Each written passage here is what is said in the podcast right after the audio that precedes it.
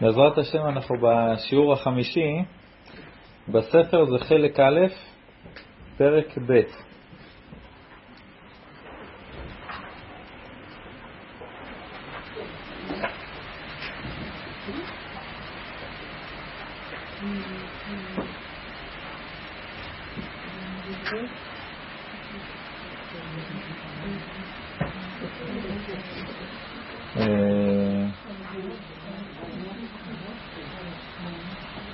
עוד חלק א', פרק ב', תכלית הבריאה, התכלית בבריאה.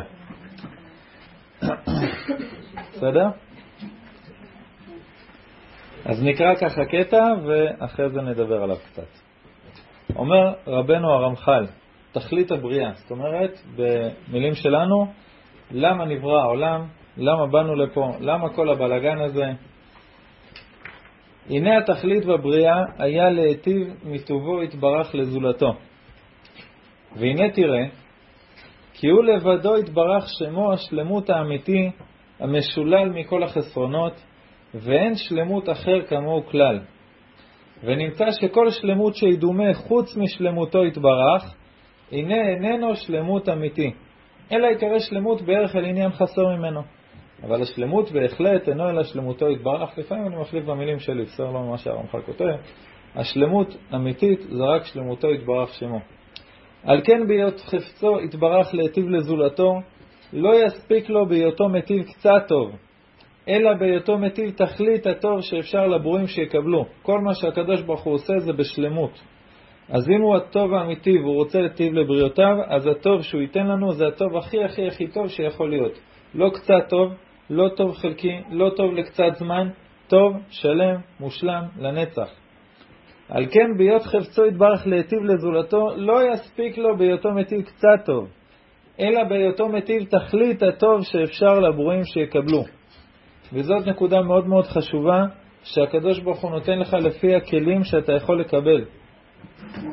מה הקדוש ברוך הוא עושה? מטיב תכלית הטוב שאפשר לברואים שיקבלו. הכל לפי הקבלה שלך, לפי הכלים שהכנת. והרבה הרבה פעמים אנחנו באים, אני מדבר על עצמי, אנחנו באים בטענות לקדוש ברוך הוא, אה, למה הוא לא נותן לנו שפע מסוים? התשובה היא, כי אין לך כלים. אם השפע הזה יגיע אליך, הוא רק יזיק. וזה דבר שהקדוש ברוך הוא לא רוצה לעשות. הקדוש ברוך הוא לא רוצה להזיק לך, הוא רוצה רק להיטיב. אז תמיד, תמיד, תמיד הטענה תהיה כלפי עצמנו. איזה כלים אנחנו יכולים להכיל לשפע שאנחנו רוצים מהקדוש ברוך הוא? זו השאלה היחידה. יכול להיות שנכין כלים והשפע הזה לא יגיע, כי גם זה לא טוב לנו. אפילו אם יש לך כלי, אבל השפע הזה לא טוב לך כרגע, זה גם לא יגיע. אבל הבעיה היא בדרך כלל אצלך בכלים, הקדוש ברוך הוא רוצה. הקדוש ברוך הוא תמיד תמיד רוצה הרבה יותר ממך, הרבה יותר ממה שאתה רוצה לקבל, הקדוש ברוך הוא רוצה לתת.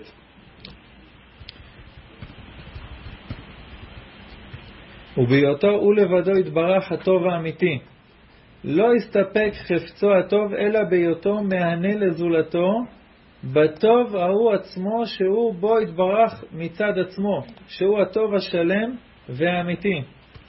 מה הסוג של הטובה שאנחנו מקבלים מהקדוש ברוך הוא?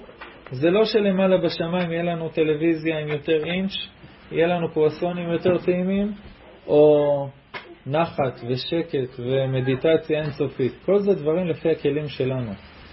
הקדוש ברוך הוא מטיב לנו בטוב שלו עצמו יתברך מצד עצמו. זאת אומרת, טוב אלוקי, תודה רבה, טוב רוחני, טוב שהוא נצחי, טוב שאנחנו לא מסוגלים לדמיין. כתוב, זה חם, זה חם, לא לגעת, חם. כתוב שיפה שעה אחת בעולם הזה, שעה אחת של תשובה ומעשים טובים בעולם הזה, מכל חיי העולם הבא. מצד שני כתוב ששנייה אחת בעולם הבא יותר מכל ההנאות של העולם הזה. אז אומרים מקובלים, זה תלוי לפני שירדת לעולם או אחרי שירדת לעולם. לפני שהנשמה הגיעה לעולם, היא נמצאת למעלה, היא נהנית מהזיו של הקדוש ברוך הוא, אבל בתור לחם של בושה, משהו שלא מגיע לה. אז היא מתביישת. אבל, ואז באמת, היפה שעה אחת בתשובה מעשים טובים של העולם הזה, הנשמה רוצה לרדת לפה כדי לזכות, כדי שיהיה מגיע לה. ואז, אחרי שהיא הייתה פה בעולם הזה ועבדה ומגיעה לה והיא עולה למעלה לקבל את הטוב הנצחי, אז היא יכולה לקבל טוב שהיא לא הייתה יכולה לקבל לפני שהיא ירדה. ואז כל מה ש... שכל ה... כל ההנאה, כל הטוב שיש בעולם הזה, כל הנצח של העולם הזה, הוא לא שווה כלום לעומת שנייה של ההנאה שהיא תקבל אחרי שהיא חוזרת למעלה. לכן הנשמות מסכימות לרדת, זו הסיבה היחידה שמסכימות לעזוב את הקדוש ברוך הוא. במשל של לעזור הקדוש, זה כמו בת מלך שאתה קושר אותה לחמור. איפה שהחמור הולך שם היא הולכת, זה לא מתאים לה, זה לא... שום דבר מזה לא מעניין אותה, תחומי עניין של החמור זה לא תחומי עניין שלה, זה גס, זה מגעיל, זה, זה רע. ככה הנשמה כשאתה קושר אותה לגוף פה בעולם הזה. היא יורדת רק בשביל להצליח לקבל טוב מלמעלה, שאחרת היא לא יכולה לקבל אותו. ועוד מעט אנחנו נראה איך מקבלים את הטוב הזה. רק בשביל טיפה להמחיש, כותב הרב דסלר, טיפה להמחיש לנו מה זה הטוב הנצחי שמחכה לנו. הרי זה טוב רוחני. מה זה טוב רוחני? זה לא גלידה, זה לא שוקולד. מה זה טוב רוחני? דמיין פעם אחת שעבדת מאוד מאוד קשה על משהו. סתם אני אתן דוגמה, בן אדם מתאמן בריצה.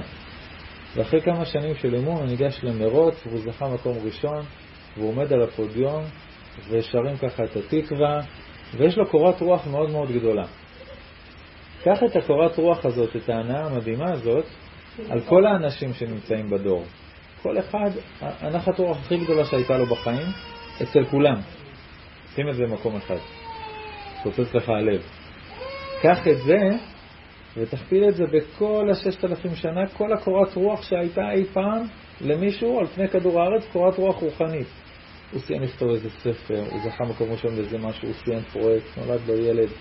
כל הקורת רוח הזאת לא שווה שנייה אחת של הנאה מהטוב הנצחי של הקדוש ברוך הוא כשאתה לידו, ונהנה מהטוב שלו המקורי. מה שהוא עצמו, בו יתברך מצד עצמו, הטוב השלם האמיתי. אז אנחנו לא, לא מסוגלים לדמיין איזה נצח של טובה מחכה לנו, רק לפני זה יש לנו תנאי קטן.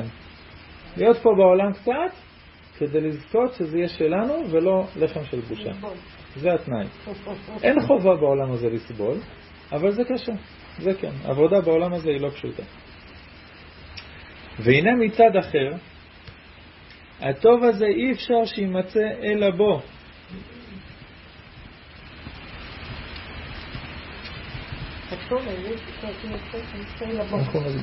על כן גזרה חוכמתו שמציאות ההטבה האמיתית הזאת יהיה במה שיינתן מקום לברואים, לכשידבקו בו יתברך, באותו השיעור שאפשר להם שידבקו. זאת אומרת, אני לא יכול לקבל פה את הטובה שמחכה לי לעתיד לבוא. אני חייב להיות שמה לידו.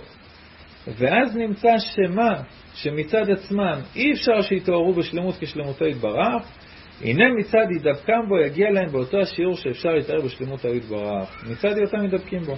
ואם מצאו נהנים בטובה האמיתית ההיא בערך שאפשר להם ליהנות בה, ונמצא להיות כוונתו יתברך שמו בריאה שברא, לברוא מי שיהיה נהנה בטובו יתברך באותה הדרך שאפשר שיהנה בו. דיברנו על זה כמה פעמים, הרבה פעמים כשאנחנו קוראים את המושגים הראשונים זה נשמע סינית, זה דבר שהוא לא ברור.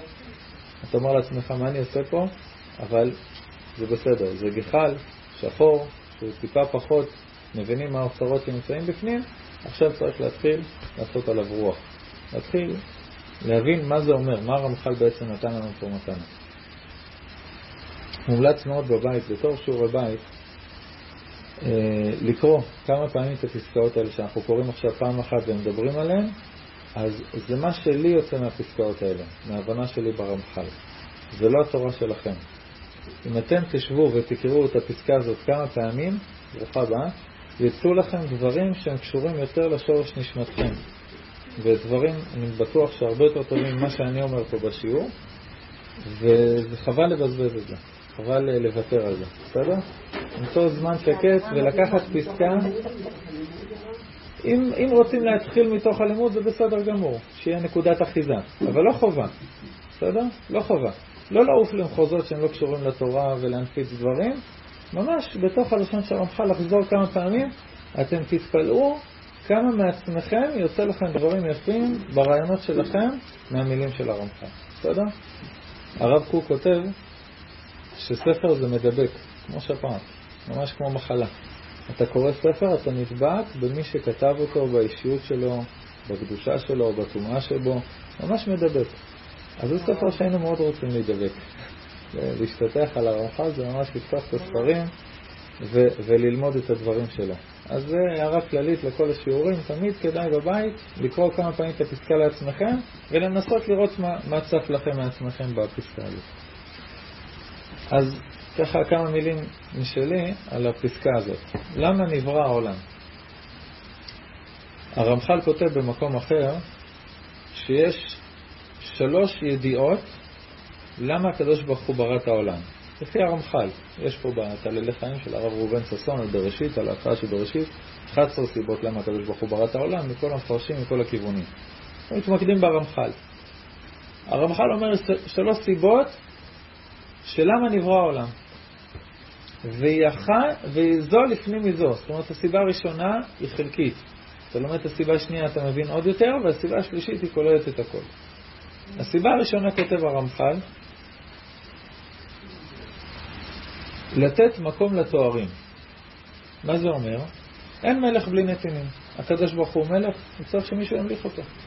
הקדוש ברוך הוא רחום, הוא חנון, הוא גיבור, הוא אדיר, צריך שמישהו יכיר בזה. הרי אם אתה סתם מכירים את uh, הנסיך הקטן של דרך זופרי, אז, uh, אז הוא מתאר שם שהוא מגיע לאיזה כוכב, ויושב שם המלך, שמולך על כלום. הוא אומר לו, על מי אתה מלך? כאילו מה? הוא אומר, הנה, כל מה שאני אומר נעשה. ואז הוא מחכה, ש, ש... אני לא זוכר לגמרי את הסרט, רק כשהייתי קטן, אבל הוא מחכה שתהיה שקיעה, ואז הוא אומר, אני מצווה שעכשיו תהיה שקיעה. ואז, וואו, שקיעה, באמת, איזה מלך, כל הכבוד. קיצור, מלך אה, קקמייקה, מריונטה. אז הקדוש ברוך הוא, שהוא מולך על העולם, הוא צריך מישהו למלוך עליו, אם לא זה לא מלך. עכשיו, זו סיבה שהיא קצת... בוא, כאילו, מה? הקדוש ברוך הוא חסר לא, משהו? המלאכים זה גם חלק מהבריאה. רגע, רגע, רגע. המלאכים זה חלק מהבריאה. כן. אנחנו בהמשך הספר נדבר על הסוגים של היצורים שקיימים בבריאה. שזה הגלגלים, זה הכוכבים, העולמות, המלאכים, השדים, הבני אדם, הגויים, הדומם, צומח, חי. כל זה זה חלק מהבריאה. למה השם ברא את כל זה, כולל המלאכים? שיהיה מי למלוך. רגע, אנחנו מדברים עכשיו על סיבה ראשונה. ראשונה, הרמח"ל קורא לה כוונה שטחית. עכשיו, למה הוא לא מבסוט מהכוונה הזאת? הוא כותב על הכוונה הזאת, שהוא כותב על הכוונה השנייה, שמי שלא הגיע לידיעה השנייה נקרא שלא הבין כלום. זאת אומרת, אם אנחנו נשארים בידיעה השטחית הזאת, זה לא באמת להבין. למה? כי הקדוש ברוך הוא לא צריך אותנו. הקדוש ברוך הוא, אין מלך ללא נתינים, אז מה, הקדוש ברוך הוא היה חסר לפני שהוא ברא את הבריאה? דיברנו בשיר הראשון שזה לא יכול להיות. ההגדרה של אלוקים זה שהוא לא חסר ושהוא לא צריך עוד אף אחד. אז ברור שהכוונה השטחית הזאת זה כוונה שאם הילד שלך שואל אותך, למה הקדוש ברוך הוא ברא את העולם? למה הוא צריך אותנו? אתה אומר, אנחנו עם שלו, אנחנו ממליכים אותו, אנחנו אומרים השם מלך, אנחנו עושים קדושה, אנחנו אומרים קדיש. אנחנו מכריזים על השם יתברך בעולם. זה נכון, אבל זה לא מספיק. בסדר? מפה אתה נכנס יותר עמוק. הידיעה השנייה, כותב הרב, הרמח"ל, זה מה שהוא כתב לנו פה בדרך השם. שהקדוש ברוך הוא רצה להיטיב, נקודה.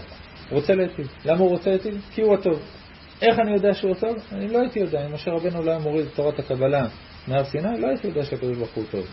אבל הוא הוריד לנו ידיעות על הקדוש ברוך הוא, אחת מהידיעות זה שהוא הטוב הכי טוב שיכול להיות, והוא רוצה להיטיב. אם אתה בן אדם טוב, הדבר היחיד שאתה רוצה זה להפעיל את התכונה הזאת ולהיטיב ולעזור לאנשים. זה דבר שכולנו, כתוצאה מזה שאנחנו שורשים מהקדוש ברוך הוא, אנחנו רוצים להיטיב.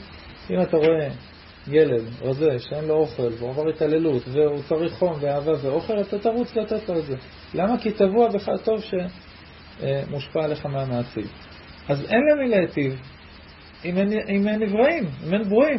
אז הקדוש ברוך הוא ברא את העולם כדי להיטיב. בסדר? למה? הכוונה הזאת היא, הידיעה הזאת היא בסדר, היא התחלה טובה, אבל היא לא מספיקה גם. כי עוד פעם, לאן אנחנו מגיעים? זה שהקדוש ברוך הוא חסר. אז אם אני לא פה אז אין לו מי להיטיב, אה, דפקתי אותו, אין לו מה לעשות עכשיו אל האמת. זה לא, אבל זה לא יכול להיות, זה נגד ההגדרה של אלוקות. אז אומר הרמח"ל, זה עוד שלב, זה לא הסיבה היחידה של השם בראת העולם, זה עוד שלב. השלב השלישי, מה הידיעה השלישית שהיא הכי הכי עמוקה והכי נכונה, והיא בעצם גם הסיבה כמעט היחידה שהסיבות הקודמות קשורות אליה. למה השם ברא את העולם? כי הוא רצה לגלות ייחודו, להראות כי אני ראשון ואני אחרון, ועל כל פנים כל קללה תהפך לברכה, וכל רע יחזור לטוב, וזה הסוד של אותך השם כי ענפת בי, ואחרי זה נמשך הידיעה שכל הספירות שחוזרות כולם אל האיחוד העליון של אינסוף ברוך הוא, וזה הדבר לא הושג כל כך בדורנו, אבל באמת עיקר אמונתו של ישראל לדעת איחוד המעציל יתברך שמו. ולהגיע לזאת הידיעה צריך הגיעה הרבה. ומי שהגיע הוא המבין כל ענייני החוכמה בעומק גדול. אך מי שלא הגיע לפחות לידיעה השנייה, לא, ודאי לא הבין כלום. יש לנו פה שתי ידיעות מרכזיות שבהן הרמח"ל מדבר בכל הכתבים שלו. אחת זה דרך הגמול, אתה תעשה טוב, אתה תקבל טוב, אתה תעשה רע, אתה תקבל רע. הקדוש ברוך הוא רוצה להיטיב, אז הוא מתרה בך, נדע לך את הדרך של החיים. תבחר בחיים, אני רוצה לעשות לך טוב. אם תבחר ברע, אני אצטרך לתת לך רע, מה אני אעשה? זה אחת התשובות גם לזה שקיים רע בעולם. איפה הקדוש ברוך הוא היה כשקרא את זה? איפה. סליחה, זה שבני אדם יכולים לעשות רע זה חלק מהסיבה שנברא העולם. אם לא הייתה לנו את הבחירה לעשות רע, ואנחנו רואים הרבה רע בעולם, אז לא היינו יכולים לקבל שכר על הטוב שאנחנו עושים. אז הקדוש ברוך הוא נותן טוב ונותן רע והוא מבקש מהעולם כולו, לא רק מעם ישראל, לבחור בטוב. לצערנו, יש כאלה שבוחרים ברע וזה עושה רע בעולם. בסדר, הקדוש ברוך הוא ברא עולם שיכול להיות בו גם רע. אבל זה דרך הגמול, יש טוב ויש רע, תבחר בטוב, אני רוצה לתת לך טוב, והקדוש ברוך הוא מבקש את זה הרבה פעמים מאיתנו. הדרך העמוקה יותר זה דרך גילוי ייחודו. זה הרבה הרבה יותר עמוק משכר ועונש, או עשית טוב או עשית רע. גילוי ייחודו זה אומר שגם הרע משרת את הטוב. גם הרע בסופו של דבר, כולם יבינו למה הוא היה טוב. וזה תשובה יותר עמוקה ולפעמים היחידה שמספיקה כשקורים כל מיני דברים. אני לא אגיד את זה לניצול שואה, שהרע הוא לטובה, ובסופו של דבר מכל הרע יצא טוב, כי אין לי מי לדבר, יודע? אבל בפרספקטיבה של עשרות שנים אחרי השואה, כשאתה רואה שהשואה היא גרמה לנתק השורשים העמוקים שעם ישראל נטע בגלות, וזה גרם לקום המדינה מיד אחרי זה, וזה גרם לעלייה המונית לארץ ישראל, ולהגדרה שלנו ולגאולה, וכל הדברים שעם ישראל עכשיו קורא לו ב-70 שנה האחרונות, אתה מבין שגם מהרע יוצא טוב. אבל מה אשמים כל היהודים, כל השש מיליון היהודים האלה? אז אני רוצה להגיד פה משהו קצת עמוק. זה לא, לא נעים סאגה הזה. זה לא נעים. נכון, אבל הוא לפחות אה, הפך אותם למטרו לקידוש השם. אז אני רוצה לשלב פה שני דברים. גם את ההנהגה של טוב ורע וגם את ההנהגה של האיחוד. אני רק מבקש לפני שאני אומר את זה. מאוד קשה להסביר את זה, אם לא למדת ספרים שלמים של הרמח"ל, להסביר את זה לבן אדם אחר. פי אלף יותר קשה להסביר את זה לבן אדם שנמצא עכשיו בתוך הצרה. קורה לפעמים, שקרה כמה פעמים, חס לא עלינו ולא עליכם, שהגעתי לבית של אבלים וטרגדיות אה, כאלה ואחרות, וכן דיברתי איתם על העניינים האלה. אני חושב ש, שלא כדאי. אם אתה לא מכיר את כל ה, מה שהרמח"ל אומר מכל הכיוונים, לא כדאי לדבר ככה. בסדר? אני רק אומר את זה בשבילנו בתוך השיעור. כשהקדוש ברוך הוא עשה שואה, מצד גילוי הייחוד אתה רוצה להעלות את עם ישראל לארץ ישראל, בסדר גמור, אבל למה להרוג שש מיליון? למה לעשות את זה? אתה רוצה לתקן איזה נשמה, למה לעשות מוות באריסטן של תינוק בן חצי שנה שנפטר? למה לתקן את העולם בדרך שהיא ככה רעה? למה? תקן את העולם בדרך טובה.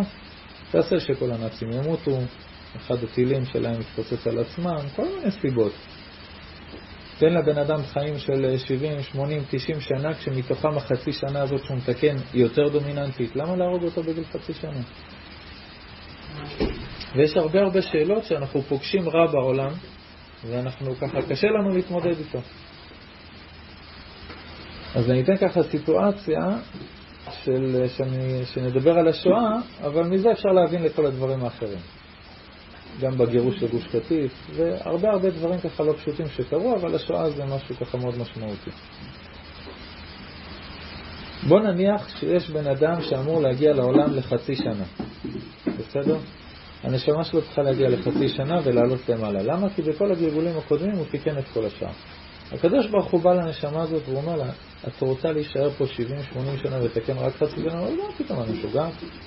אני צריכה חצי שנה, אני ארד לחצי שנה הזאת ואני אעוף למעלה לזכות בטוב הנצחי.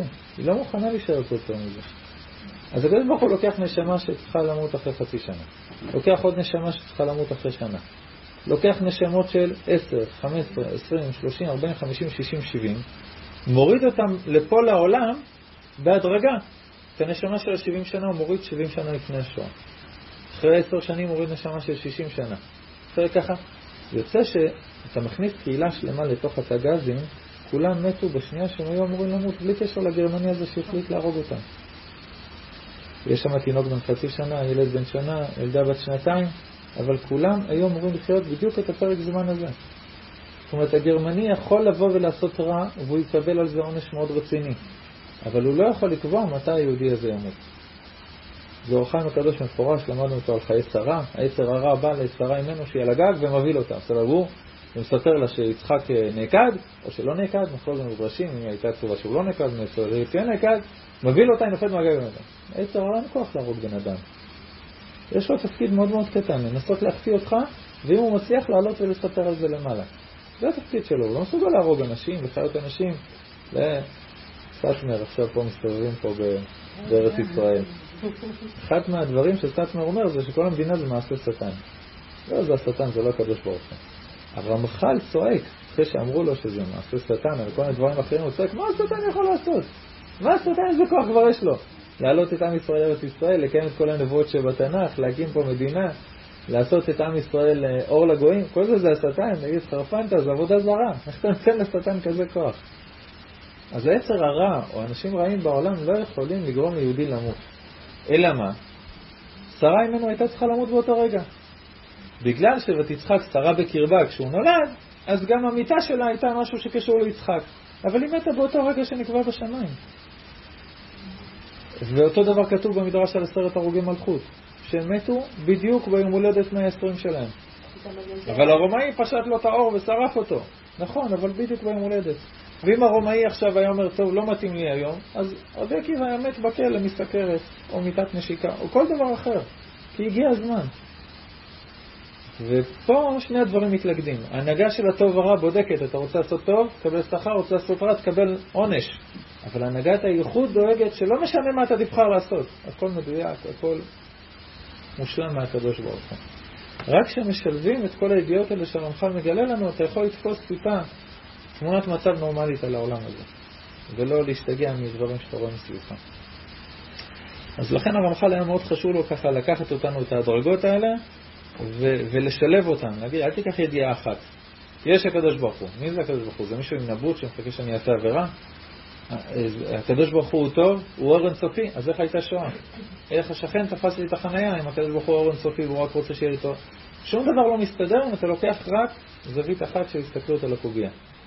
אחרי שאתה ככה מסתכל מכל הכיוונים ומבין את, איך ההנהגות משתלבות, אתה יכול להישאר שפוי בעולם הזה ולהבין שעדיין יש פה מישהו שמחזיק את ההגה.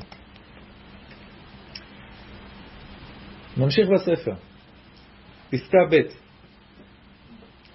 ברוך אתה אדוני, המלך העולם של הכל נהיה בדברו.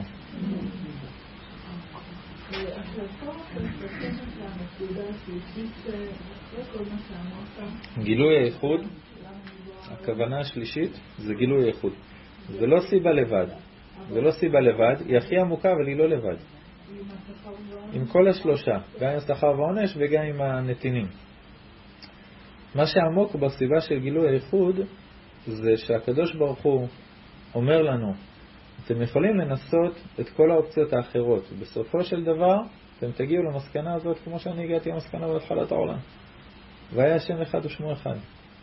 חז"ל אומרים, שכשאנחנו אומרים והיה שם אחד ושמו אחד, מה, גם עכשיו הוא אחד. כן, רק אנחנו עוד לא יודעים את זה. לעתיד לבוא כל העולם יראה את זה. אז המטרה שלנו זה גילוי ייחודו. הוא אחד כבר עכשיו, הוא היחיד שעובד כבר עכשיו, הוא היחיד שעושה את הכל, לטוב ולמוטב.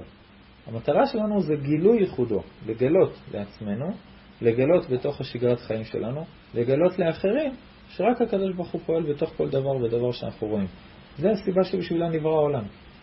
עכשיו, הקדוש ברוך הוא רצה לתת לנו עבודה כדי להיטיב לנו. מה העבודה? גילוי האיחוד. בסדר? למה הוא רצה לתת לנו עבודה? כדי להיטיב. אם אין עבודה, אז על מה ייתן לנו שכר? למה להיטיב? כדי שתקבל טוב שלם ולא בבושה. בסדר, ככה הכל, כל הדברים מתחברים במעגל שלם. בסדר?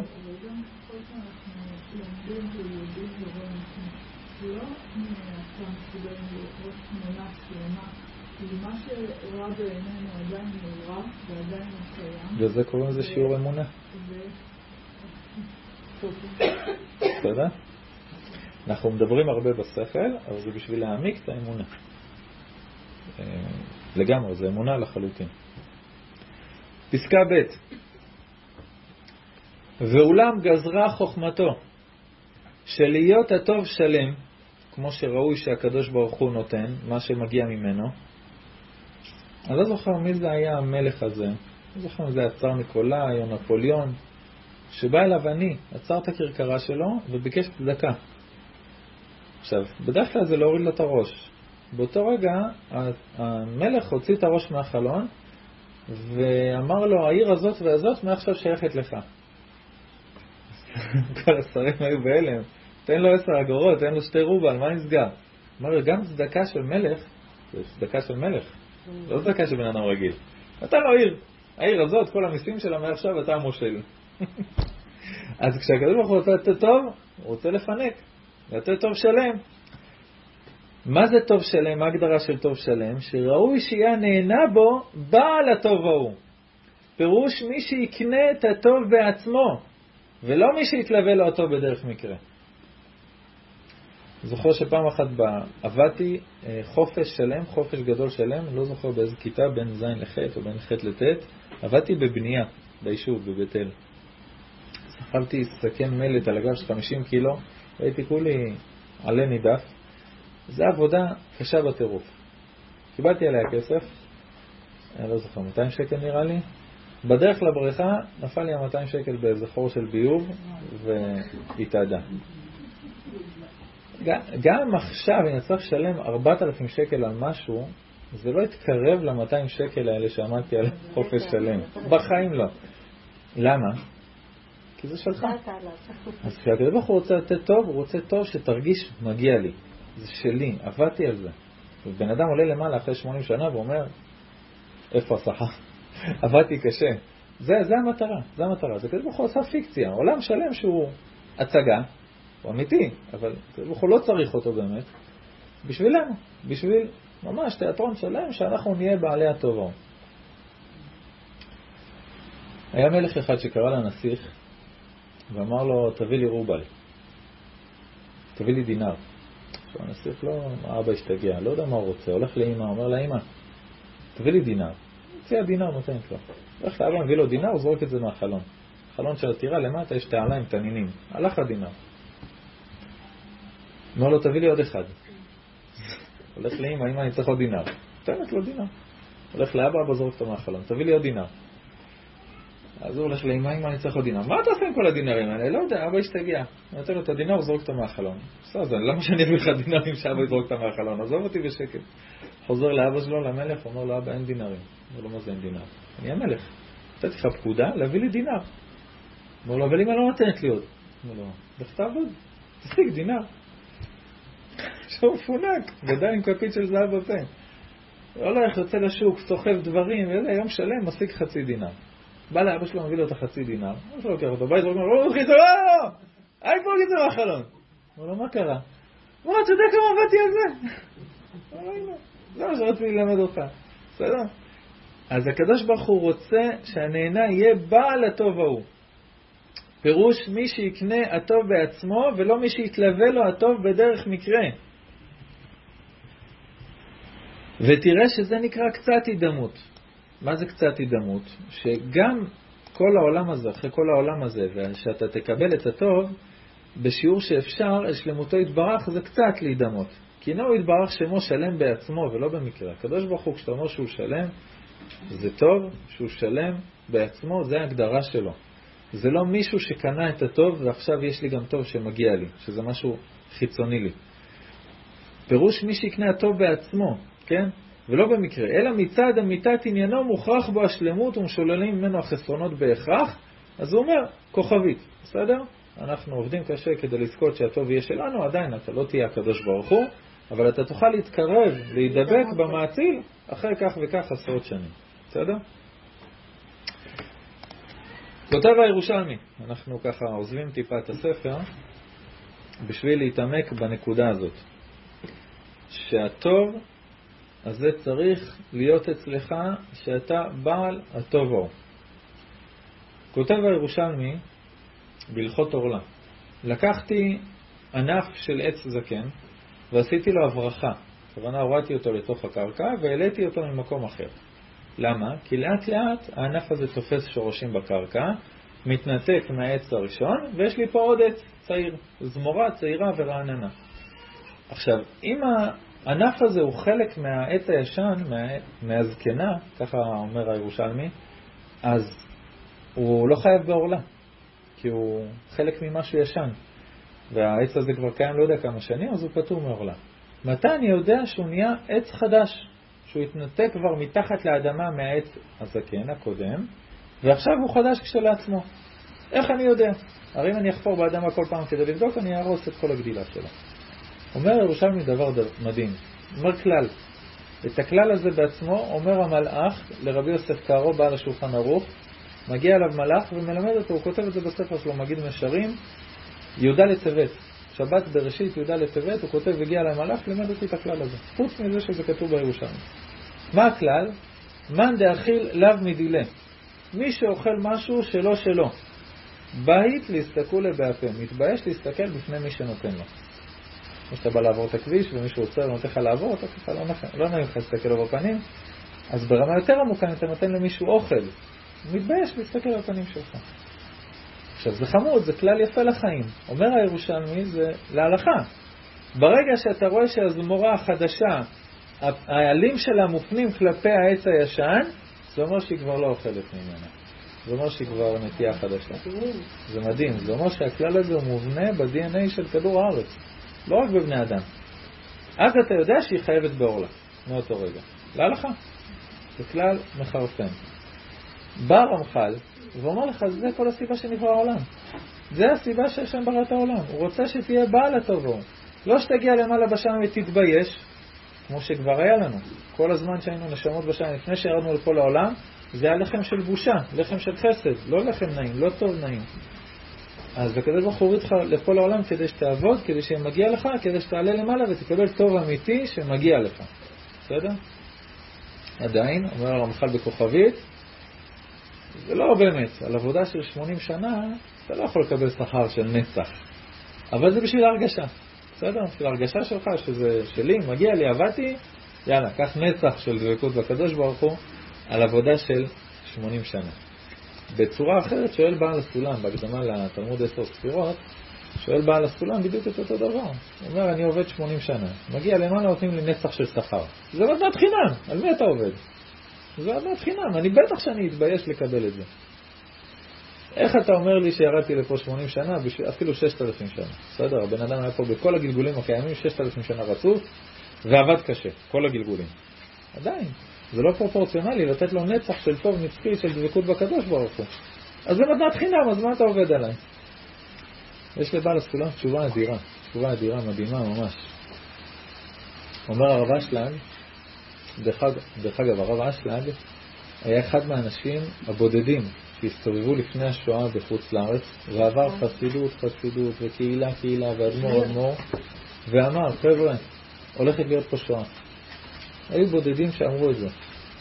יש את הרב קוק, יש לו נאום השופרות מהחורבה, יש את החפץ חיים, חמש שנים לפני השואה אמר בארץ ישראל תהיה שארית הפלטה, ועוד כמה עדויות. אבל uh, הרב אשלג הסתובב ואמר, חבר'ה, הולך להיות פה בלאגן. יש לכם שתי אפשרויות, או לקרוא את הזוהר הקדוש, בלי הפסקה, שזה פתרון שהרמח"ל נתן לזמנים של קושי, הוא אומר לקרוא את הזוהר הקדוש מסביב לשעון מאז בריכת השקיעה, ואז המקום הזה יהיה מוגן. שזה זוהר מפורש, שהזוהר הקדוש מגן. אה, אם הזוהר הקדוש בבית, אז הוא מגן על הבית, לכן ספרדים נהגו מדורות דורות לעשות סעודה כשמכניסים את הזוהר הקדוש הביתה. אם בן אדם גם קורא בו, הוא מגן על כל העיר. זה ככה מה שכתוב על הזוהר הקדוש. אז הוא אומר או שתקראו זוהר הקדוש, או שתעלו לארץ ישראל. בעטו אותו מכל המדרגות. כמעט ואף אחד לא הקשיב לו. זה בעל הסולם. אומר בעל הסולם, הקדוש ברוך הוא רוצה לתת. עכשיו, הקדוש ברוך הוא, כדי שתהיה בעל התור השלם, אתה צריך להיות כמוהו. אתה צריך להיות בעל נתינה. אבל כדי שתהיה פה בעולם ותעבוד ותעשה את כל מה שאמרנו, אתה צריך לקבל. כי הקדוש ברוך הוא צריך לחיות אותך. אז יש פה איזה קונפליקט, אז מה לעשות? אני צריך לברוא עולם, ואני צריך שהם יהיו עולם של נותנים, אבל אני בעצמי רק נותן להם כל הזמן לחיות אותם, אז הם גם מקבלים. אומר בעל הסולם, אז מה הקדוש ברוך הוא עשה? הוא ברא לך עולם, ונתן לך מערכת של תורה ומצוות ועבודת המידות, כדי שעל ידי התורה והמצוות ועבודת המידות אתה תהיה בן אדם נותן, לא מקבל. וכל הקבלה שתקבל מהקדוש ברוך הוא זה כדי לתת לאנשים אחרים. ואז אתה בעצם לא מקבל בשביל עצמך, אלא אתה כלי או צינור כדי לתת לאנשים אחרים, הקדוש ברוך הוא מעביר דרכך. ואז מה יוצא? שזה לא שעבדתי 80 שנה אז מגיע לי נצח. עבדתי 80 שנה כדי להיות נותן. ואז אני יכול להידבק בקדוש ברוך הוא לנצח שהוא גם, שהוא רק נותן ולא מקבל. אז בעצם כל העבודה שלנו פה בעולם לפי בעל הסולם זה כמה שיותר להיות מהנותנים. בכל תחום, בגשמיות, ברוחניות, במשפחה, בסביבה, בעולם, באדם, בחי, בצומח, בדומם, בכל דבר שאתה יכול להשפיע ולתת ולעזור, אתה עושה את הסיבה שבשבילה באת לעולם. וזה דבר מדהים. זה ממש עונה על השאלה הזאת. כי אם אתה לא אומר את זה, זאת אומרת, 80 שנה של עבודה לא מגיע לשכר של נצח. 80 שנה אתה הופך את עצמך כמה שיותר לנותן. ואז אתה יכול להידבק בקדוש ברוך הוא לנצח. זה דבר מאוד מאוד מדהים וחשוב, והרבה של הגבלה הסלام חוזר על זה בכל התורה שלו. כמה שיותר לתת. זה דבר שכדאי לקחת לחיים.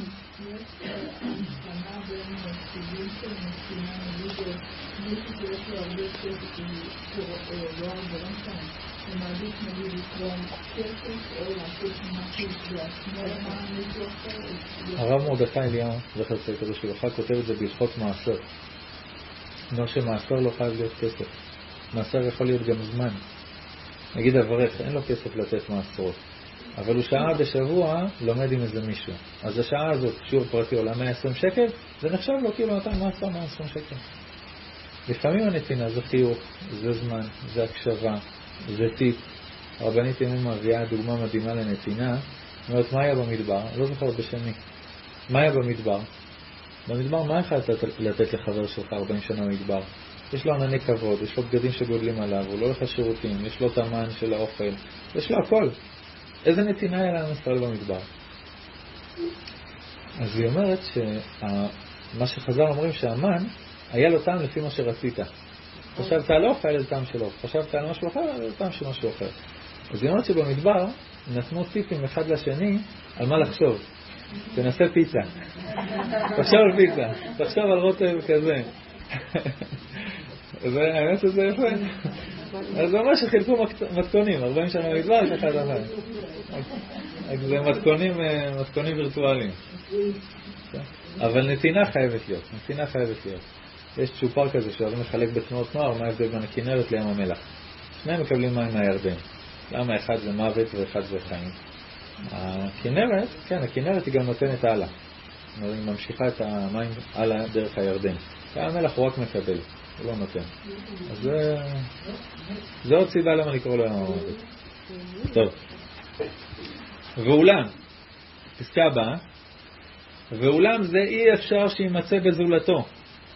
שהיא אמיתתו מכרחת לו השלמות ומעדרת ממנו החסרונות. אז הקדוש ברוך הוא עצם זה שהוא קיים, זה כבר אומר שהוא שלם ובלי חסרונות, אם לא אז הוא לא אלוקים. אז אי אפשר שימצא בזולתו, אם יהיה עוד יצור שהוא שלם והוא לא צריך אף אחד, אז איך שניהם נמצאים בעולם, גם הקדוש ברוך הוא וגם הוא. שניהם שלמים לא צריכים אף אחד, זה ממש שניים. אז חייב להיות שיש רק אחד כזה. אבל להידמות לזה במקצת. איך אנחנו דומים קצת לקדוש ברוך הוא? צריך שלפחות יהיה הוא הקונה השלמות, שאין אמיתת עניינו מכריח לו. זאת אומרת, משהו חיצוני שבאתי לעולם, לא היה לי את זה, מידה שאני צריך לעבוד עליה, קניין של שכל שאני למדתי, דברים שעשיתי פה בעולם, דברים שלא היה לי. אמיתת ענייני, עצם זה שאני פה, זה לא אומר שיש לי אותם. ואני עבדתי פה קשה וקניתי אותם. צריך שלפחות יהיה הוא הקונה השלמות. ויהיה הוא מאדיר מעצמו החסרונות שיהיו אפשריים בו, גם סור מרע וגם עושה טוב. גם לקנות דברים וגם להיעדר ממך את כל הדברים הרעים.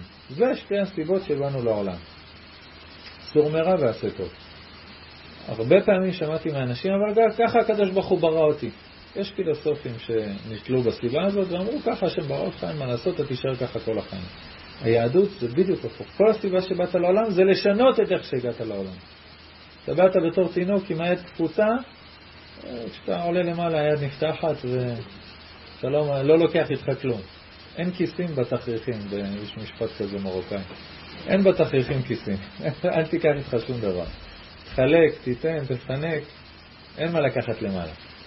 אז למה באתי לעולם?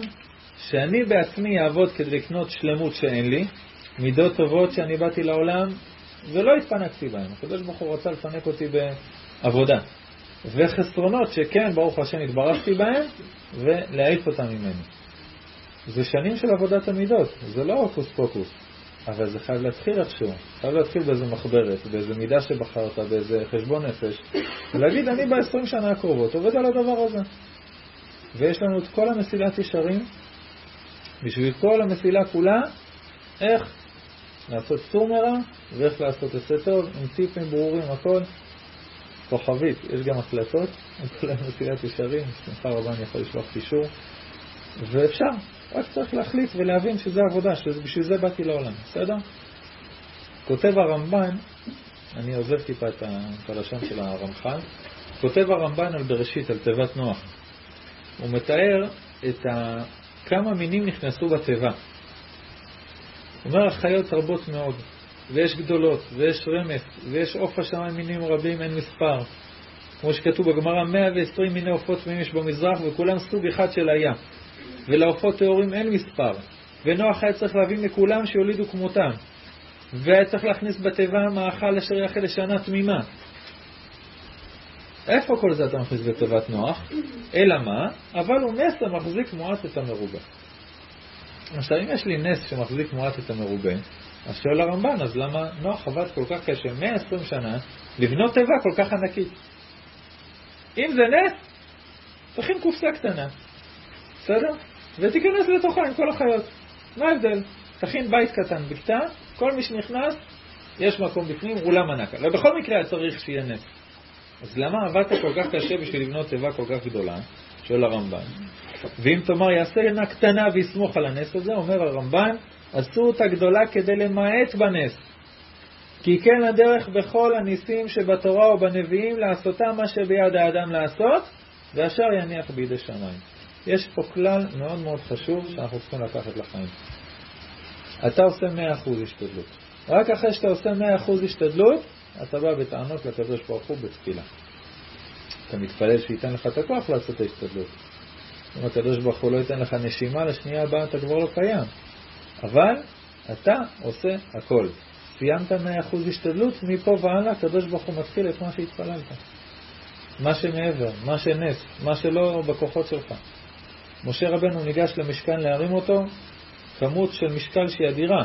בא משה רבנו, לוקח עם הידיים, עושה ככה. יעבוד, יעבוד, לא יעבוד, לא יעבוד. אבל הקדוש ברוך הוא עשה נס. אבל אתה תעשה את מה שאתה יכול. את הקדוש ברוך הוא ישלים את השאר. אומר הרמב"ן, או בנס נסתר או בנס גלוי. בסדר? נס נסתר, הכוונה, בדרך הטבע. מה זה דרך הטבע? יזמין לך איזה מאמר באינטרנט על איזה תרופה שעכשיו בניסויים, ופתאום תדבר עם מישהו ויגיד לך לאיזה רופא, זה נס נסתר. זה הקדוש ברוך הוא שלח לך, אבל ככה בקטנה. נס גלוי, לא שהרופא אומר לך, תשמע, זה נס, עשינו בדיקות ופתאום זה נעלם. מה קרה? הייתי בבבא סאלי כל הלילה, התפללתי. זה נס גלוי. ויש פה את הסדרה אביהם של ישראל של מרדכי אליהו, וגם של סאלי, מיליארד סיפורים כאלה, יש גם ניסים גלויים. אבל אתה תעשה כל מה שאתה יכול. הרב נחמני, זו רוצה להיות לברכה, הזכרנו אותו בשעה בבית כנסת. אבא שלי היה תלמיד שלו, והוא היה מלומד בניסים. מלא סיפורים על הניסים שהוא עשה, אבל כל בן אדם שהיה מגיע אליו, הוא היה חוקר אותו חקירה שתי וערב, לראות שהוא עשה את כל ההשתדלות שהוא יכל בעולם, עם רופאים ועוד חוות דעת ודברים והשתדלויות, סיימת הכל, בוא נתפלל עליך. חד וחלק. למה? זה כלל ברמב"ן. כותב המביט, מה זה התפילה? בקשת האדם מהאל דבר צורך שאינו ברשותו. זאת אומרת, משהו שאתה לא מסוגל, אז תתפלל לקדוש ברוך הוא. מה שאתה מסוגל, תקום ותעשה, בשביל זה השם הביא אותך לעולם. זה סיפור יפה על הרב קרליבך, מספר על האדמו"ר מאלכסנדר, הרבי מאלכסנדר, ששאלו אותו, הקדוש ברוך הוא ברא כל דבר בעולם ויש לו סיבה. למה הקדוש ברוך הוא ברא את הכפירה? מה אנחנו יכולים ללמוד מהכפירה? אז אומר הרבי מאלכסנדר, אם יהודי בא אליך לבקש טובה, שהוא צריך עזרה, תעזור לו כאילו אין הקדוש ברוך הוא. אל תגיד לו, בעזרת השם אני אתפלל עליך, תחנק. או בעזרת השם אני אתפלל עליך וזהו. לא, תעזור לו כאילו אין הקדוש ברוך הוא. אחרי שתסיים, לך תתפלל כאילו אתה לא מסוגל לעשות כלום. אבל את העזרה, אתה צריך להיות כופר כדי לעזור. יש לי דרשה בבלוג, שבשביל זוגיות צריך לכפור בקדוש ברוך הוא. כי הרבה פעמים בזוגיות אתה אומר, השם יעזור. אתה לא באמת עושה השתדלות. זה משני הצדדים. ואין השם יעזור. אתה חייב לעשות את כל ההשתדלות בעצמך, ואחרי זה להתפלל שהשם יצליח את דרכך. זה דבר שהוא מס להבין אותו בעולם הזה. כותב הרב קוק במוסר באורות הקודש, אין שום ישועה שלמה באמת, כי אם אותה שהנושה פעל להופעתה בפועל ידיו. ישועה זה אתה, עם עזרה של הקדוש ברוך הוא, אבל זה אתה זה שצריך לעבוד. כותב רבנו בחיי, אני הבאתי על זה הרבה מקורות בשביל שנפנים את הנקודה הזאת. כי אחרי אלפיים שנות גלות, אנחנו חוטאים בזה הרבה. בגלות נרכבנו בתוך עולם אה, של תפילה ותורה בלבד. העולם המעשה עזר לנו, לרוב. אין לי מה לתקן את עולם החול של צרפת או של מרוקו או של טוניס, הם לא מעניינים אותי. אז הדבר היחיד שהשקענו אלפיים שנה זה תורה ותפילה ומצוות, ובן אדם לחברו, בקהילה כמובן, אבל לא היה לי צורך לתקן את עולם החול או לעשות השתדלות בעולם החול. אתה מגיע לארץ ישראל, זה ההגדרה של ארץ ישראל, שמצוות תלויות בארץ, שכותב החתן סופר, העבודה בארץ ישראל היא מצווה. לכן בועז, שהיה גדול הדור, סופרת לך מגילת רות, חלק מהתנ"ך, שהוא זורע שעורים בלילה בגורן. למה? למה אתה זורע שעורים? כי זה מצווה. זה כמו שתגיד, אם תגיד, אני אתן את זה לעבד שלי ואני הולך ללמוד תורה, זה כמו להגיד, למה להניח תפילין? אני הולך ללמוד תורה במקום להניח תפילין. וזו נקודה מאוד מאוד חשובה שצריך להבין. כותב רבנו בחיי, זה ויכוחים שאני מאוד מאוד אוהב להשתתף בהם בכל מיני פורומים של אה, כל פעם שהכיפת ברזל אה, פוגעת באיזה קטיושה, וואי, חצי מעם ישראל, תודה רבה לקדוש ברוך הוא, תהילים נגד תהילים, וחצי השני, תודה רבה לכיפת ברזל. ולא מצליחים לחבר את שני הדברים, בסדר? כותב לך רבנו בחיי, רצון התורה בכך שיעשה אדם בדרך הטבע כל מה שבידו לעשות, והשאר יניח בידי שמיים. לכן אמר שלמה המלך עליו השלום, סוס מוכן ליום מלחמה, זה מבחינתי, אני צריך שיהיה לי טנקים, שיהיה לי כיפת ברזל, ולהשם התשועה. כלומר, חייבים בני אדם להישמר בנפשותיהם ולהכין סוסים וכלי מלחמה, והקדוש ברוך הוא יושיע, כי התשועה היא לא לבדו יתברך. דרך הסוסים והכלי מלחמה וכל מה שאתה עושה. הגאון מווילנה אומר, אלה ברכב אלה בסוסים, לבד, זאת אומרת, הגויים סומכים על הרכב והסוסים לבד, כוחי ועושים ידי, ואנחנו בשם השם אלוקינו נזכיר ביחד עם הרכב והסוסים. רגע, זו דרשה אחרת ש... שאומרת שזה סימן שאלה, אבל רגע.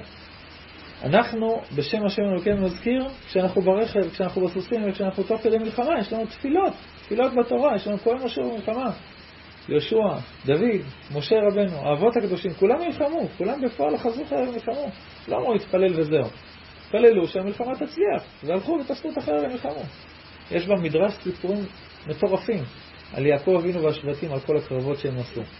ותיאורים הזויים שיעקב אבינו מלמטה יורה בחץ, ולמעלה על החומה, השבטים מסתערים על החומה עם חרבות, והוא מוריד ככה ממש ארטילריה וקרב פנים לפנים, וסיפורים שלמים, ואתה אומר, מה? זה יעקב אבינו יושב אוהלים, התמים החמוד הזה. סיפורים מדהימים. בגלות כל זה ככה היה ב standby. למה לא מתאים לי עכשיו לדבר על מלחמה כשהפריץ יזרוק אותי לכלבים? לא מסתדר לי. אני בתור רב קהילה לא אתן דרשה לכולם על זה שצריך להילחם כשאין לי מה לעשות עם זה באלף שנה הקרובות. אז המדרשים האלה ככה היו באיזה קרן זווית. אבל זה דבר שככה... אני לא אשכח בר מצווה שהגעתי מהמילואים. אני חושב שזה היה בצוק איתן. לקחתי את הרכב של השר מ"פ ונסעתי לבר מצווה של משפחה מהקהילה. ואחת אחת מהנשים שהייתה בבר מצווה ממוצא צרפתי, עלתה מצרפת כמה שנים לפני זה, והיא באה אליי ואומרת לי, אבל אתה רב. אמרתי לה, כן. אז איך אתה מפקד בצה"ל? לא הסתדר לה. אז אמרתי לה, דוד המלך, את מכירה? אמרת לי, כן, זה מהתהילים. אמרתי, פה הבעיה, פה הבעיה, דוד המלך הרג כל יום אלף פלישתים. את זה שוכחים לספר לנו כשהיינו אלפיים שנה בגלות, זה ככה נבלע. אבל אין שום בעיה שיהודי יירה באויב, תוך כדי שהוא עושה ייחודים על הכדור שיפגע במחבל, זה לא, זה לא סותר בין שני הדברים, ולהפך, בארץ ישראל השילוב הזה הוא נכון. הרמב"ם כותב באיגרת לחכמי מרשיליה, בספרד, זאתי שעבדה מלכותנו והחריבה בית מקדשנו והאריכה גלותנו והגיעתנו עד הלום. הרמב"ם, למה יצאנו לגלות? כי לא נתעסקו בלמידת מלחמה ובכיבוש ארצות. כי אמרו, אנחנו נתפלל לקדוש ברוך הוא ויהיה בסדר. רמב"ם, רמב"ם מפורש. לא פשוט, בסדר? ויש עוד הרבה הרבה מקורות, אני קצת אה, מדלג.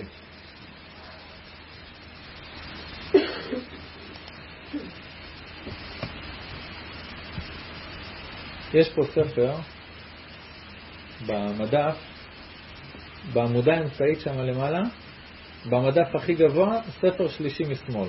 נקרא את הלך. בסדר? ספר חכי כזה. את הלך. ספר של הרב אהרון מרגלית. אני מאוד ממליץ לקרוא אותו. מאוד. הכי למעלה, במדף הכי למעלה בעמודה האמצעית, כן, צבע זית כזה, הספר שלישי משמאל, את הלך. עמודה אחת שמאלה. אני עכשיו אספר עליו. כן. כן. מעולה, תביא, תביא אותו. יפה. הספר הזה כתב אותו הרב אהרון מרגלית. הבן אדם הזה חלה בפוליו בגיל, אה, בגיל חמש. בגיל שלוש הוא איבד את הדיבור שלו כי אחד הילדים שם הפחיד אותו עם טרקטור. אז הוא נהיה אילם. אחרי זה חטף פוליו. אחרי זה חטף חמש פעמים סרטן במשך החיים שלו, ובכל מקום שהוא מגיע, הוא הופך את העולם. שולח ביופסיה לכל המומחים בארץ, למרות שאמרו לו, אתה עומד למות עוד כמה ימים, עושה ו- ופועל ונלחם, ודרך התרופות, ודרך רופאים, ודרך תפילות, ודרך אדמו"רים, סיפור חיים שלם של מלחמה. ותוך כדי זה, תוך כדי זה הוא גם נלחם במלחמות ישראל, והנהג אמבולנס, וסוכן מכירות, ונותן הרצאות. הבן אדם בחיים, יש הרצאה שלו ביוטיוב, יש הרצאה שלו ביוטיוב שהוא מספר, לא, לא, לא, הוא במאמצים אדירים, מאמצים אדירים הוא התרפא מהגמגום שלו ומהאילמות, וספר שלם שאתה קורא אותו ואתה אומר, החיים שלי תותים ברמות, ברמות. הבן אדם כאילו חטף את כל דבר שקיים בעולם הוא חטף, כולל בן שלו שנרצח בתאילנד ועוד מלא מלא דברים, לא עלינו ולא עליכם. הבן אדם הזה כותב בספר משפט שהייתי חייב לקחת, בסדר? כותב הרב אהרון מרגלית. רבי יצחק הרמא מחכמי ספרד בדור הגירוש, בספר שלו כדת יצחק, כותב במילים מפורשות שאותם ראוי להציב בפתחו של כל בית אולפנה, ישיבה, מדרשה, אולפנה, שיהיה למעלה בגדול את המילים האלה. כי ישועת השם והבטחותיו לא יחולו, אלא רק על ראש המשלים חוקו בפעולות אנושיות ככל אשר יספיק שכלו. הקדוש ברוך הוא מתחיל לעבוד רק כשאתה סיימת. בסדר? רק אחרי שאתה עשית כל מה שאתה יכול, הקדוש ברוך הוא מצטרף למערכה. גם לפני זה, כל מה שאתה יכול זה בכוחו יתברך, אין ספק. אבל אין דבר כזה לשבת ולהגיד, השם יעזור. אין דבר כזה. המחלה הכי גדולה של הציבור הדתי, של מסורתיים, ברוך השם, זה לא קיים, וברוך השם, כל אחד שחוזר בתשובה מרפא את זה אצל הדתיים יותר ויותר, אבל המחלה הכי קשה של הציבור הדתי זה לשבת בחיבוק ידיים. הכי קשה, בכל סיטואציה, בממשלה, במדינה, בפרנסה, בתיקון של העולם, בתיקון של המדינה הזאת, בכל דבר. לשבת בחיבוק ידיים ולהגיד, כתירוץ של עצלנות, הכל מאיתו יתברך. בסדר? פרנסה שלך אתה רץ כמו משוגע. לרופא אתה משגע לו את המוח במיילים באמצע הלילה, אבל uh, מישהו צריך עזרה, צריך לתקן משהו, צריך... הקדוש ברוך השם יעזור, השם יעזור. לא נכון, השם לא יעזור. כי השם לא ברא אותך לפה שתשב חיבוק ידיים. השם ברא עולם שאתה אמור לתקן עולם מחוץ ידיים. בסדר? העבודה שלנו זה להיות הידיים של הקדוש ברוך הוא פה בעולם, זה העבודה של יהודי, זה ההגדרה של יהודי. וכשכתוב השם יילחם לכם ואתם תחרישון, אומרים הפרשים זה בסימן שאלה. השם יילחם לכם ואתם תחרישון? איך יכול להיות? אומר להם משה רבנו, מה אתם צועקים? אומר אור החיים הקדוש, צריך עכשיו מסירות נפש, תקפצו לים, תעשו משהו, אם לא, הקדוש ברוך הוא לא יתחיל לעבוד. אחרי שנחשוב, הטביע את עצמו על כל מטר, אז הים נפתח. עוד מטר. הוא הטביע את עצמו עוד מטר ונפתח עוד מטר. זה בסימן שאלה השם ילחם לכם ואתם תחרישון. לא יכול להיות, הרי כל בריאת העולם אמרנו, זה כדי שאנחנו נעשה, כדי שנזכה לקבל את הטובה. אז, אז אתה יושב ולא עושה כלום, אז בשביל מה השם ברא את העולם? זה דבר שמאוד, נכון, נכון, זה חטא, נכון מאוד. נסיים רק בנקודה הזאת. היה שני רבנים צדיקים, הרב ביבס והרב אלקלעי. הרבה לפני שהרצל נולד, הם כתבו חזון שלם על מדינה יהודית, עם צבא, עם פרנסה, עם כלכלה. כתבו ספרים לחכמי ירושלים, עברו בקהילות. הרצל היה נכד של הגבאי בקהילה של הרב ביבס, שהוא עצמו היה נכד של הרב חיים הקדוש. כאילו הרבה לפני חוזה המדינה שהתעורר, כבר היה אנשים שעבדו שתהיה פה קהילה יהודית בארץ ישראל. זה לא יופיע בספרי היסטוריה בספר לצערי. בן אדם שאחראי על זה, קוראים לו פרופסור בן ציון דינור. הוא היה אחראי על מה יהיה בהיסטוריה, בספרי היסטוריה של ילדי ישראל, ומה זה נשאר אותו דבר, והרבה הרבה דברים, אה, ככה הייתי בהלם שגיליתי אחרי שנים. הם שולחים מברק לחכמי ירושלים, לכונן פה מדינה, ומדינה עם אנשים שישמרו, ואנשים שיעבדו. אומר, אומר הרב אלקלעי לחכמי ירושלים, הוא אומר, אי אפשר לכונן מדינה בכספי צדקה. זה אין עניות בציבור. כספי צדקה זה טוב לאחד שיושב בכולל. אי אפשר לבנות ככה מדינה. כי כל ירושלים וארץ ישראל היו בנויים על כספי החלוקה מחוץ לארץ. כל קהילה והכספים שלה. הרב גורן, ששבוע שעבר היה ההילולה שלו, מספר, אפילו עשיתי סימניה בספר, זה גם שם במדף הזה, מספר על קהילה של אגודת ישראל, שהייתה אצלם במושב, ונקלעו לבעיות כספיות, אז הם שלחו לנציגים של אגודת ישראל בחוץ לארץ, אנחנו צריכים עזרה כספית, אם לא אנחנו סוגרים פה את המושב וחוזרים לחוץ לארץ. מה הם עונים להם? תקראו שלוש פעמים ביום תפילת הפרנסה. פרשת המן, תקראו שלוש פעמים ביום. זו התשובה. אחרי כמה חודשים סגרו הכל, חזרו לחוץ לארץ. המושב התמוטט. כלומר, הרב גורן, הם המשפחה שלהם עברו למקום אחר, המושב הזה התמוטט. כי, לא בונים ככה מדינה. אי אפשר לבנות ככה מדינה. מדינה אתה צריך כלכלה עצמאית. נכון, נכון. השם גומר, לאל גומר עליי. מה עונים לחכמי ירושלים? לא נבראה ירושלים אלא לעסוק בתורה. כותב להם איגרת, אי אפשר בעולם הזה להתנהג בדרכי העולם הבא שאין בו אכילה ושתייה. ואחרי אחרי התכתבות של שנים וספרים שהוא כותב להם והם מתעלמים ולא עונים ולא מוכנים לעשות שום דבר, הוא כותב להם בסוף, יש לו קונטרס, פתח כחודו של מחט, הוא כותב בסוף הקונטרסט. זה מילים מזעזעות ועוד מעט אנחנו נראה למה. ואני בתומי אלך, ישרים דרכי השם, צדיקים ילכו בם ופושעים יכשלו בם. קנאת השם צבאות תעשה זאת, ותהא זאת נחמתי כי האמת יורה דרכו, ואם לא יעשה השכל יעשה הזמן. מה זה קנאת השם צבאות? כותב הרמח"ל במקום אחר, בספר אחר. קנאת השם צבאות זה אם אתה יושב ולא עושה כלום. אז במקום שהגאולה תבוא מצדך וברחמים ובזכותך, אז זה יבוא בדרך קשה של דינים, קנאת השם צבאות. והוא כותב חזון מחריד. ויש לנו את הספר הזה שהוא כותב. הוא כותב ששנת הגאולה שכתובה, הרב, אה, אל, הרב יהודה אלקלעי. אור יהודה, העיר אור יהודה זה על שמו. הוא תלמיד של הרב יהודה ביבס, הוא מביא הרבה מהתורה שלו, הוא אומר שובו אליי ואשובה אליכם, שובו אליי זה תשובו לארץ ישראל, ואז ואשובה אליכם, אז הקדוש ברוך הוא יאיר לנו פנים, דברים שככה לא הצליחו להפנים בזמנו. נסיים בדבר הזה, הוא אומר ששנת הגאולה, הזוהר הקדוש אומר ששנת הגאולה זה ת"ר, 600, יפתחו שערי רקיע וכולי, כל שערי חוכמה בעולם והכל. הוא אומר זה לא שנה, זה מאה שנה. והוא אומר את זה בהתחלת ת"ר, בסדר? הנה, תרי"א. בשנת תרי"א הוא כותב את זה, ששנת הגאולה, הזדמנות של חלום לגאולה לעם ישראל מצידנו, זה מאה שנה. מת"ר עד ת"ש.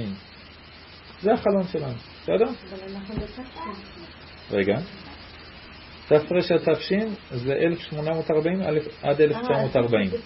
בת"ש הוא כתב את זה 90 שנה לפני זה. מה קרה בת"ש? עכשיו.